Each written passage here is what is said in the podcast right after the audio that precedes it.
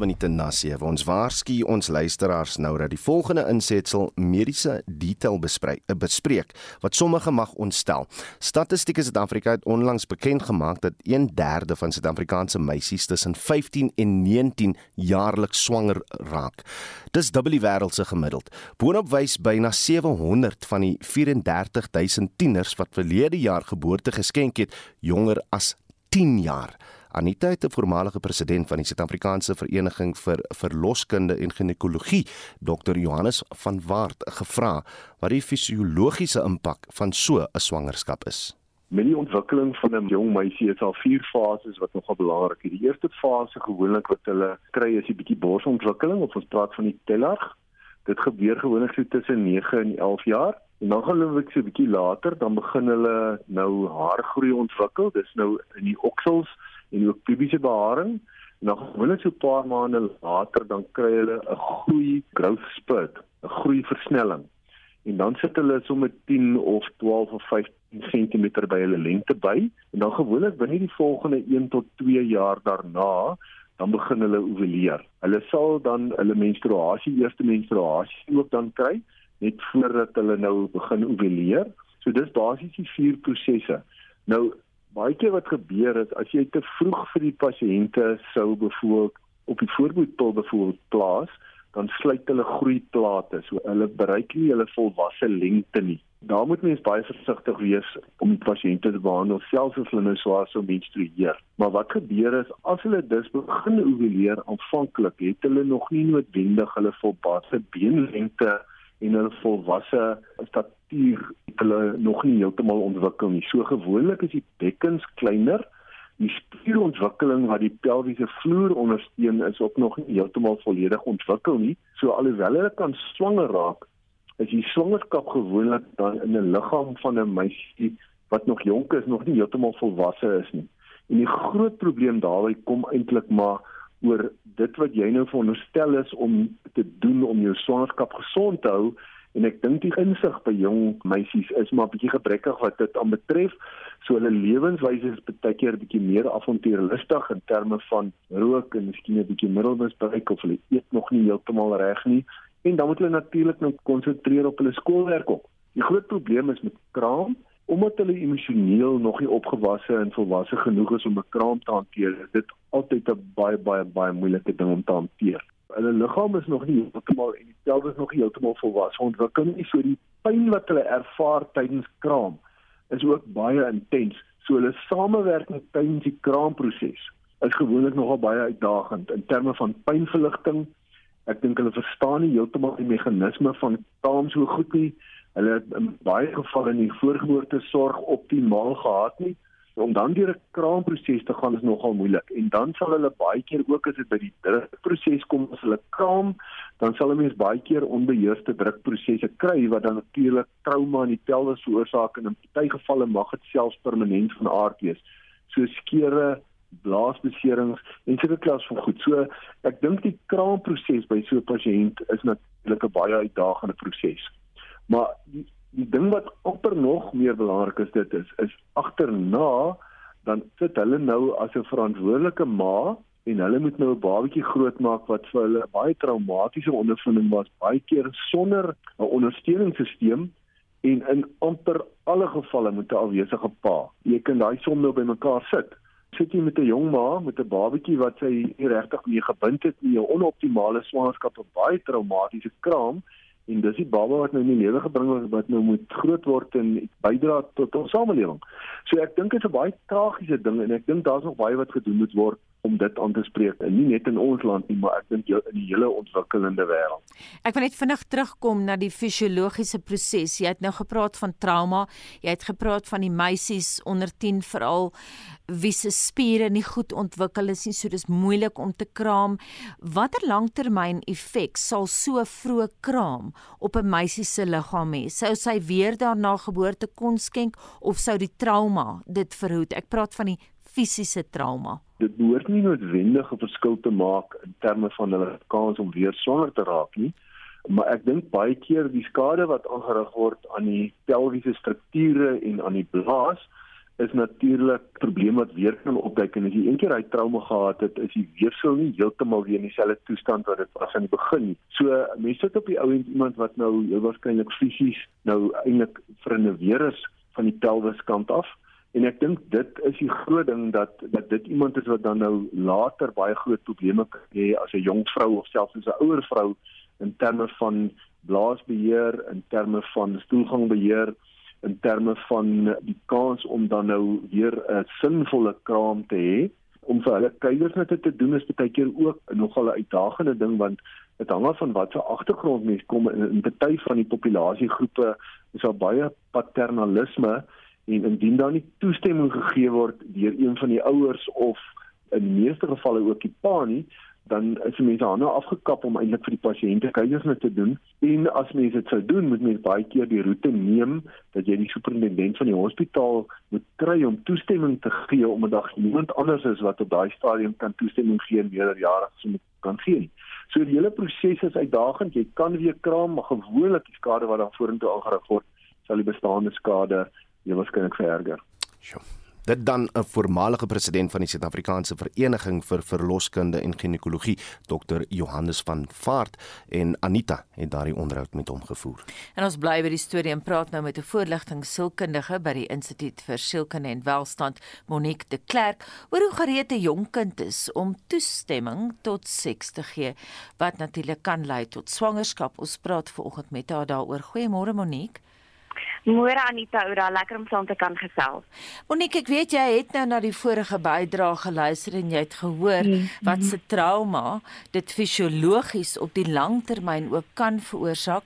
Wat vir ons vreemd is is dat die wet vir 'n 12-jarige die kans gee om tot seks in te stem. Dis heeltemal wettig mits die seksmaat mm -hmm. nie meer as 2 jaar ouer is nie. In terme van so jonk kind se ontwikkeling, dink jy die meisies is gereed vir seksuele omgang? Ek dink my my kort antwoord gaan wees nee op dit en ek dink ehm um, alhoewel seksuele ontwikkeling eintlik al so vroeg as 2 jaar al reeds by 'n kind begin deur middel van of bewustheid deur hulle eie liggaam of bewustheid van watter geslag hulle is, dink ek ons moet in ag neem dat seks is 'n daad wat uit verskillende komponente bestaan. Um dit is werklik 'n intieme daad en daar's soveel emosionele, fisiese en morele komponente betrokke en kinders ongelukkig op 12 jaar is neurologies nog nie so ontwikkel om al daardie komponente en amper die impak wat wat seks het in totaliteit te kan verstaan nie. Sou 'n meisie op so 'n jong ouderdom swanger raak, watter ondersteuning benodig sy om 'n keuse te kan uitvoer oor of sy met die swangerskap wil voortgaan? Ek dink die belangrikste om in ag te neem is dat enige persoon ongeag ouderdom eintlik inligting benodig en ek dink daardie inligting moet deur 'n professionele persoon soos 'n gesondheidswerker gegee word en en dit sluit amper in die die voordele, die nadele, die risiko's van um, so besluit maak ook.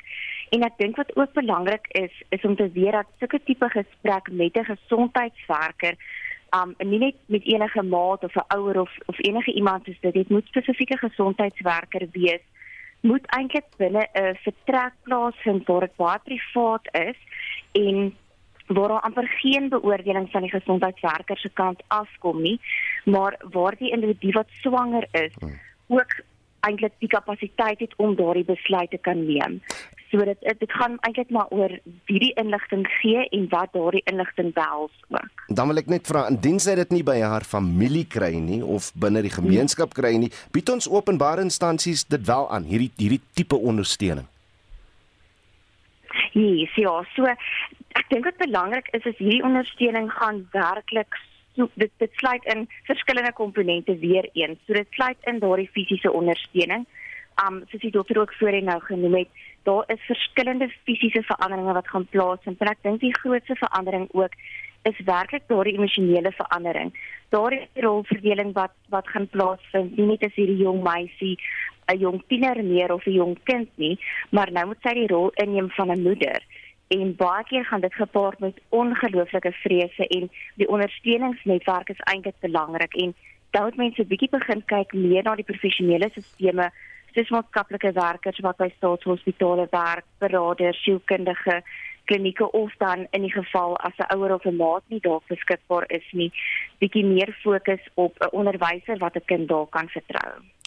Monique, ons het nou gesê byna 700 uh, meisies verlede mm. jaar onder 10 het swanger geraak. Duidelik is daar iets groots fout in Suid-Afrika. Mm. Dis dubbel ja. die aantal wêreldwyd. Hoe kan ons dit verander? Watter rol kan julle as sielkundige speel? Miskien meer met die regering uh praat of jy het gepraat van welsynswerkers en so aan, maar iets moet sekerlik verander want dis 'n jaarlikse patroon soos wat mm. Udo tereg vroeg vanoggend aan my gesê het voor ons op die lig gegaan het.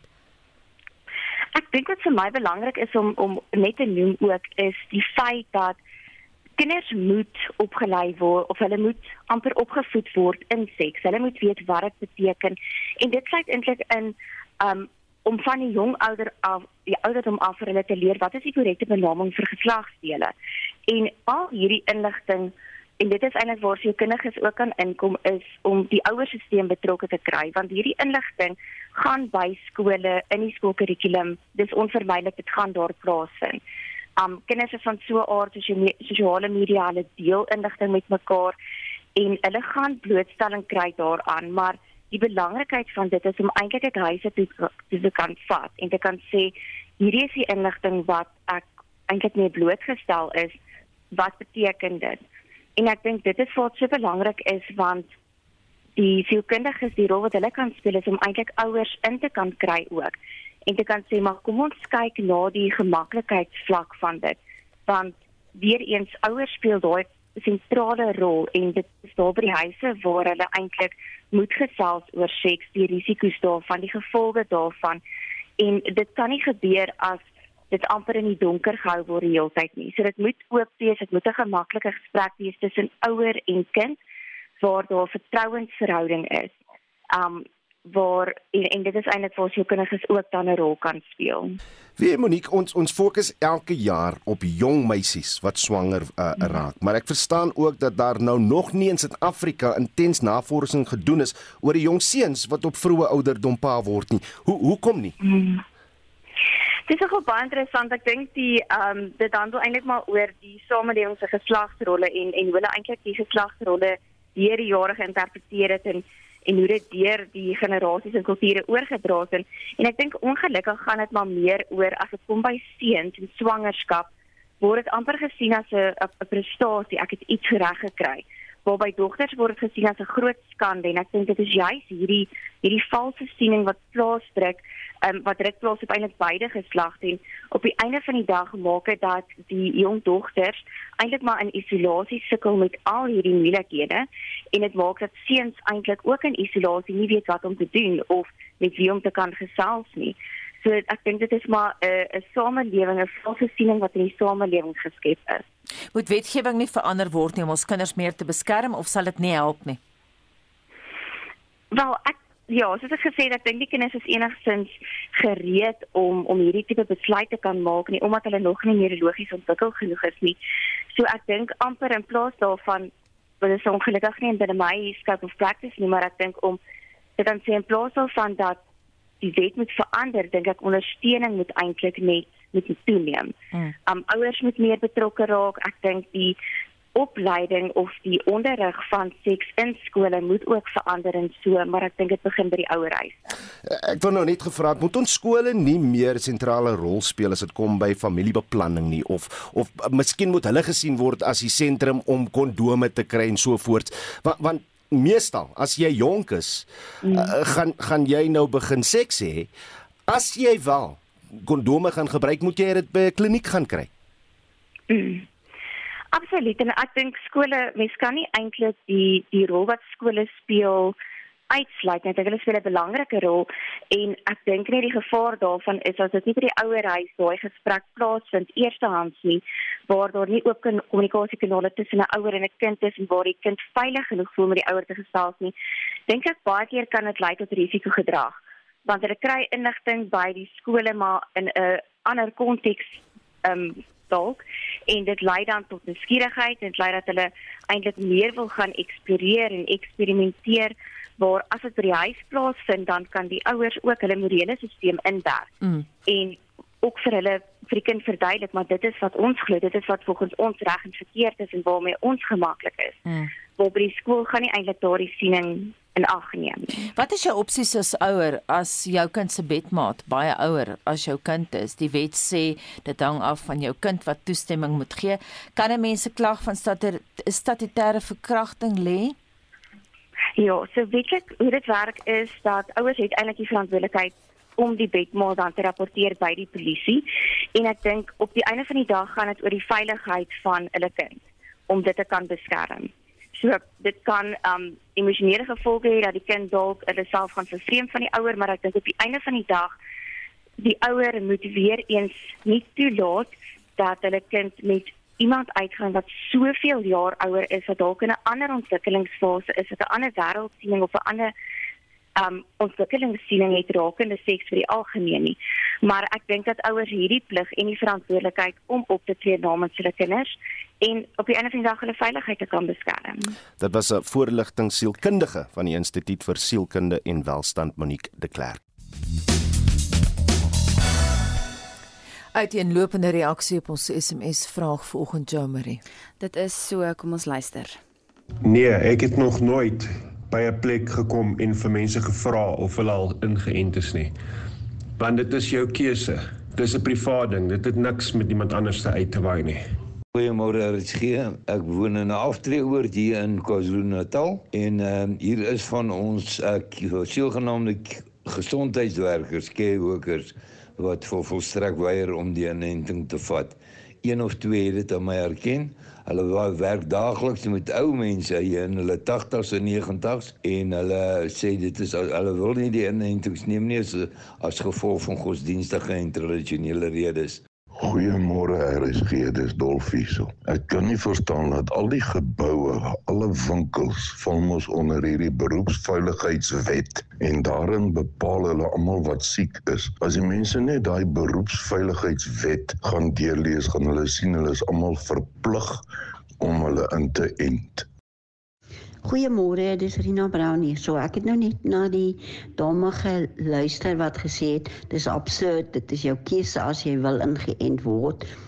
Maar dis ook die ander persoon se keuse of jy gaan meng met die persoon wat nie ingeënt is nie, want jy stel jouself en ander mense om jou in gevaar. So ja, it cuts both ways kommentaar oor menseregte en inenting skep die indruk dat dit mag gaan oor my regte ten koste van jou regte. Groete, Theolo. Polio en pokke inenting was 'n wet. Daar was nie 'n keuse nie. Jy het in die oggend by die skool gekom, in 'n ry gestaan en almal het die inenting ontvang. Dit is tyd dat mense ophou om so selfsugtig en selfgesentreerd te wees. Hier is een keer wat jy nie net aan jouself dink nie, maar waar jy aan die hele wêreld moet dink. Nou ja, onthou dit is die mening is van ons luisteraars en hulle deel dit met ons op die WhatsApp lyn. Jy kan ook Mike skryf op Facebook. Ek sal nooit enige iemand vra of hulle ingeënt is nie. Ander mense se mediese geskiedenis het niks met my te doen nie. Ek het ook glad nie kontak met gesondheidswerkers nie. Ek was jare laas by 'n dokter of 'n hospitaal. Hy sê hy kan dit nie bekostig nie. En dan Jacques Arend wat skryf: Ek is ingeënt en trots daarop. Ek het dit vir myself en my gesin gedoen. Dit is en bly almal se keuse en moet verantwoordelikheid aanvaar vir hulle keuses net soos ek moet. Ek het dit laat doen want ek wou dit doen. Ek raak erg kwaad vir al die nonsens wat versprei word ten opsigte van inentings. Gesels saam vir 'n laaste ronde. Die SMS lyn is oop, die WhatsApp lyn is oop en jy kan ook op um, ons Facebook bladsy gaan kommentaar lewer, Oudo. Mag ek net vra, wanneer het dit nou so 'n persoonlike ding geword waaroor ons nie praat nie? Die eerste ding wat jy van iemand wil weet, heiliglik wil weet as jy hulle nou ontmoet is wat? Is jou naam en die tweede ding is, jy's lekker, is jy al gevaksinate, uh, is jy al ingeënt en watter een het jy gekry? Ja. Wanneer het dit nou hierdie persoonlike ding geword? Ek weet okay, nie. Vra maar net.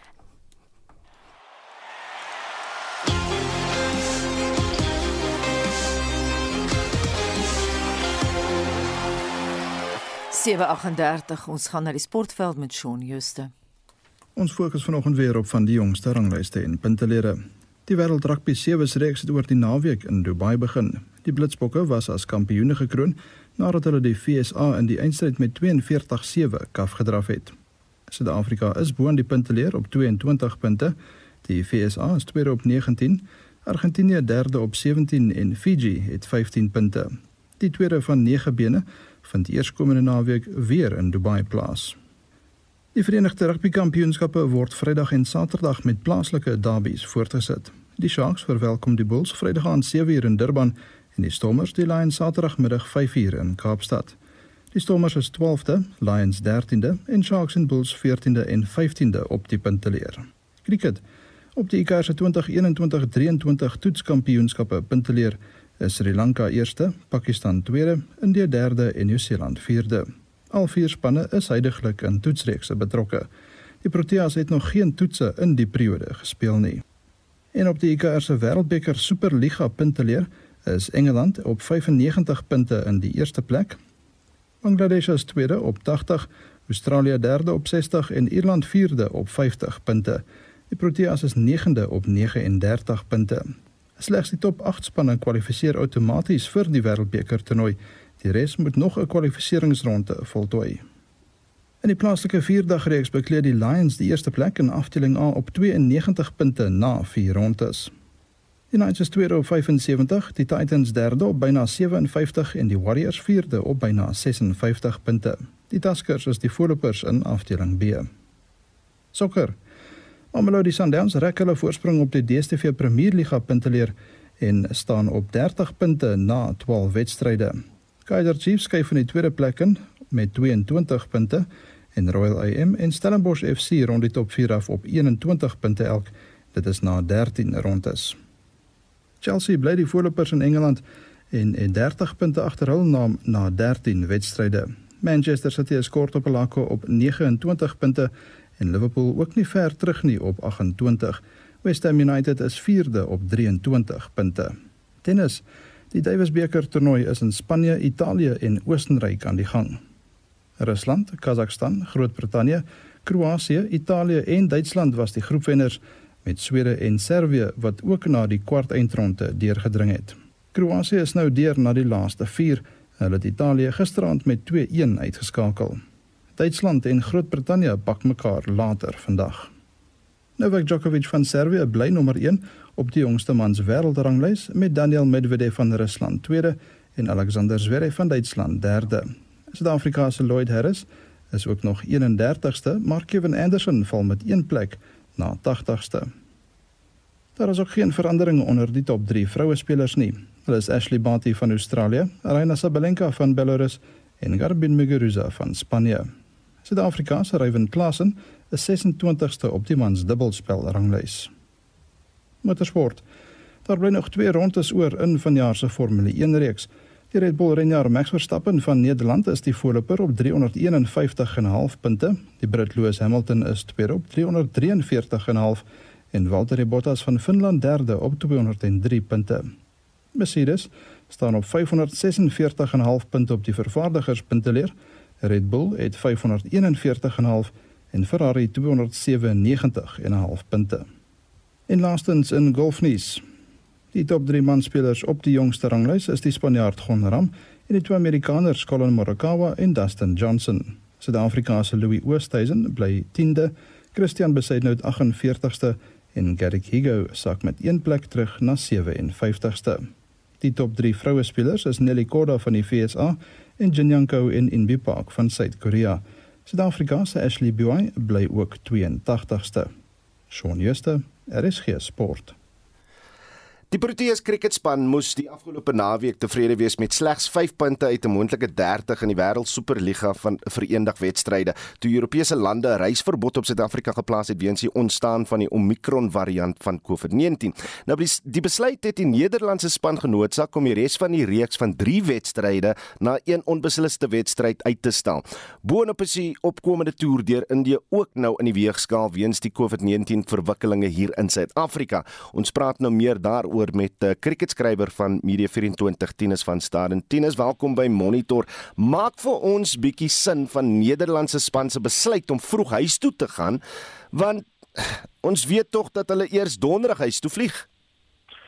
Ja, goeiemôre Oudo. Ja, hulle het besluit om om te probeer vroeg huis toe gaan, maar hulle kon nie vroeg huis toe gaan nie. So die ironie van die saak is dat hulle is nog steeds die meerderheid van die groep is nog steeds in Suid-Afrika, soos jy sê, hulle vlieg eers donderdag. Daar het twee spelers um, Sondag aand al teruggevlieg. Die tweede wedstryd sou natuurlik Sondag plaasgevind het en die derde wedstryd in Johannesburg Woensdag. So dit dit laat die vraag ontstaan. Hulle is nou hierso, hulle is in 'n bioborrel. Um, hulle is almal ingeënt. Suid-Afrika se spelers is almal ingeënt dit is 'n uh, beheerde omgewing. Hoekom kon hulle nie maar die die reeks voltooi het nie? Ehm um, die die rede wat wat wat deurkom is dat die die Nederlandse spelers nie in 'n in 'n aangewese sielkundige toestand gevoel uh, was om om te speel nie. Hulle het nie gevoel dit is dit is iets wat hulle nou wil doen met met alles wat wat aangaan met die nuwe variant wat gevind is nie. Ehm um, Maar ja, ek bedoel dit is uh, vir Nederland dink ek is dit amper 'n groter terugslag. Kyk vir vir Suid-Afrika natuurlik is dit belangrik om om punte in te samel hmm. vir die Superliga. Uh want jy moet kwalifiseer vir die vir die 2023 Wêreldbeker toernooi. Ag ja, uh in Indië met met uh deur die Superliga. So dit is jammer dat dat soos uit Suid-Afrika se oogpunt dat hulle nie daai punte kon insamel nie, maar vir Nederland toe hulle gekom het, het hulle afrigter gesê hoe belangrik dit vir hulle is om teen groot lande te speel. Ja nou het hulle die geleentheid in 'n veilige omgewing om dit te kon doen. Um en en hulle het besluit om dit te doen. Maar ja, mense moet ook seker maar begrip hê dat dit moeilik moet wees om in 'n vreemde land te sit met met al hierdie goeder wat aangaan. Uh al die nuus wat jy kry van van reisbeperkings. So ja, dit dit is maar dit is 'n moeilike situasie. Ja, as ek die Nederlandse span was, sou ek maar net die weer dopgehou het. Hy 5 punte sonde gevat het en dan miskien weer gekyk het na Woensdag. Maar wat, sê Cricket Suid-Afrika nou oor die India toer wat op die 17de 17de Desember begin met 'n toetswedstryd? Hulle sê dit gaan voort. Ehm um, hulle beplan volstoom asof dit voortgaan. Uh, ek het gister met Shoaib Manjra die die mediese hoof gepraat en en hy het gesê ehm um, daar was die die laaste paar die laaste 2 weke uh toenemend positiewe gevalle in Suid-Afrikaanse cricket. Kyk, Lungi en Didi by die Proteas het positief is positief getoets, maar dan was daar ook uh, in in plaaslike onder plaaslike spelers ouens wat positief getoets het. Maar hy sê die die biobottles is effens uh, nie verslap nie, maar dit, dit was in dit was meer bestuur en en en en bietjie meer nie so rigied geweest nie, maar dit dit gaan nou verander. Hulle gaan dit nou weer uh baie streng biobottles maak. Ehm um, en kyk daar is nie daar is steeds vlugte. Indië Indië hmm. het het het gesê dat dit reisigers van en na Suid-Afrika moet net uh, onder streng toetse uh, deurgaan. Maar daar daar is nog steeds vlugte uit uit Indië wat kom. Indië beplan uh, het het ook gesê hulle hulle hou nog dop wat wat hulle regering gaan doen. Um, omdat Suid-Afrika nog op op vlak 1 van die inperking bly dit is ook 'n positiewe aanduiding vir Cricket Suid-Afrika. Cricket Suid-Afrika sien ook die feit dat uh, die India span wat tans vandag in hulle tweede vierdag wedstryd in Bloemfontein teen SA speel dat hulle ook nog hier bly en nie teruggaan nie. Hulle sien dit ook nog as 'n as 'n positiewe teken.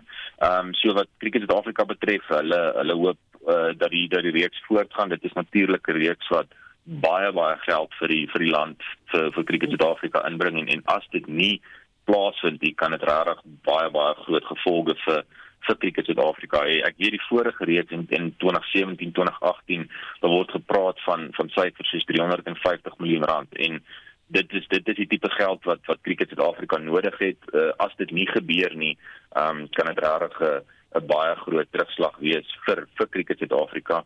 So die beheerliggaam sal reg alles in sy vermoë doen om om seker te maak dat die reeks wel voortgaan. Dit was Midi 24 se cricketskrywer Tinus van Staden. Nou ons gister op monitor het ons berig oor David Nabarro van die WGO se kommer oor die rooi lys. Ons het met die Britte daaroor gepraat. Nou daardie kommer word gedeel deur 'n woordvoerder van die sekretaris-generaal van die VN, Stefan Dujarric, wat nou ook sê hy is bekommerd oor die wyd verspreide reisverbod en dit is baie wyd inderdaad. Hy sê dat uh, veral Afrika en Suider-Afrika moenie gestraf word vir die identifisering en die deel van hulle nuwe inligting oor die nuwe variant nie.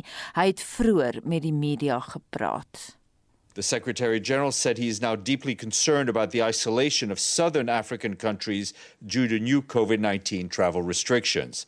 As he and others have long warned, low vaccination rates are breeding ground for variants. The people of Africa cannot be blamed for the immorally low level of vaccinations available on the continent, and they should not be penalized for identifying and sharing crucial science and health information with the world.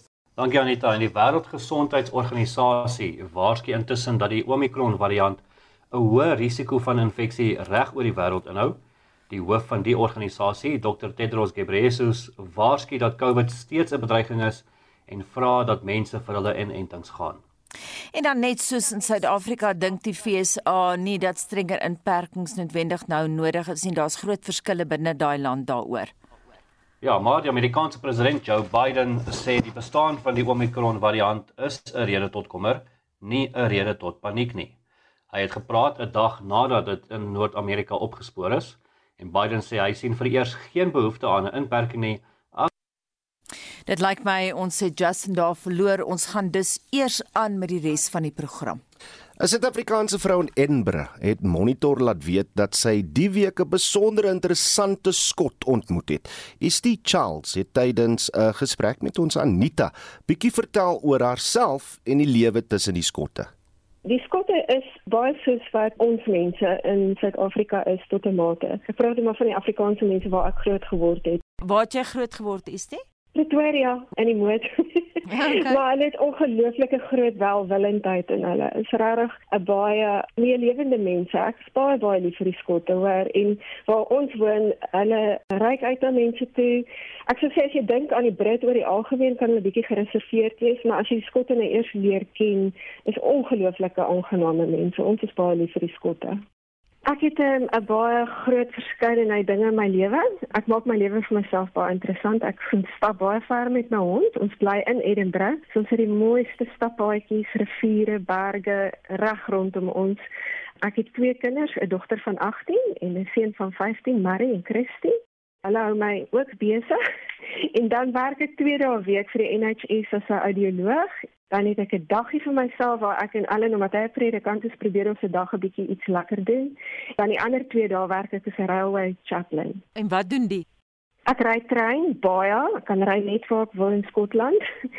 en dan het ons um, kom ons sê maar dis 'n counselling service vir ons werk met uh, mense van die spoorweg of dit nou geen om watter maatskappye is, ons het baie verskillende treinmaatskappye. Skatrail, Avanti, LNR, wat se maatskappy dit ook al is en as hulle dan deur 'n moeilike tyd gaan of dit nou mental health is of as daar siekte is, dan kan hulle my kontak en dan het ons maar gesprekke en reflekteer maar net so 'n bietjie en bietjie counselling vir die mense van die spoorweg.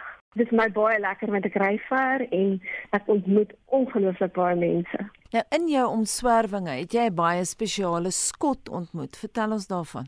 Ek het dit dit was nou nie op die spoorweg nie, maar ek het gisterand het ek vir Greg senior ontmoet Ek het eers nie agtergekom hy is 'n skot nie want hy het met my Afrikaans gepraat en dog ek net, "Jong, okay, maar jy dit klink soos iemand wat vlot Afrikaans praat maar wat 'n bietjie van 'n invloed gehad het van van skot." Hy het homself geleer Afrikaans praat en hy praat vlot Afrikaans. Ons ek sê vlot rarig, hy praat vlot. En jy kan met hom diep gesprekke hê en hy volg alles wat jy sê en hy val net in waar jy is. So hy's rarig baie oulik met Afrikaans. Dit dan die Suid-Afrikaner is die Charles met wie Anita gister daardie onderhoud gevoer het. Nou is die Charles se entoesiasme oor die skot wat so goed Afrikaans praat, het Anita dadelik 'n foon laat nader trek. Die 24-jarige man, Greg Senior, het ook sommer met die eerste probeerslag die foon opgetel en vertel dat hy vir die kerk 'n nie-regeringsorganisasie bedryf. Die gesprek het egter grootliks gegaan oor sy liefde vir Afrikaners en Afrikaans en so het hy gister sy verhaal aan Monitor vertel. Ek's mal geskiedenis. Ek's 'n groot geskiedenisliefhebber. Dit klink 'n bietjie morbid, maar um, oorloggeskiedenis is vir my vreeslik interessant.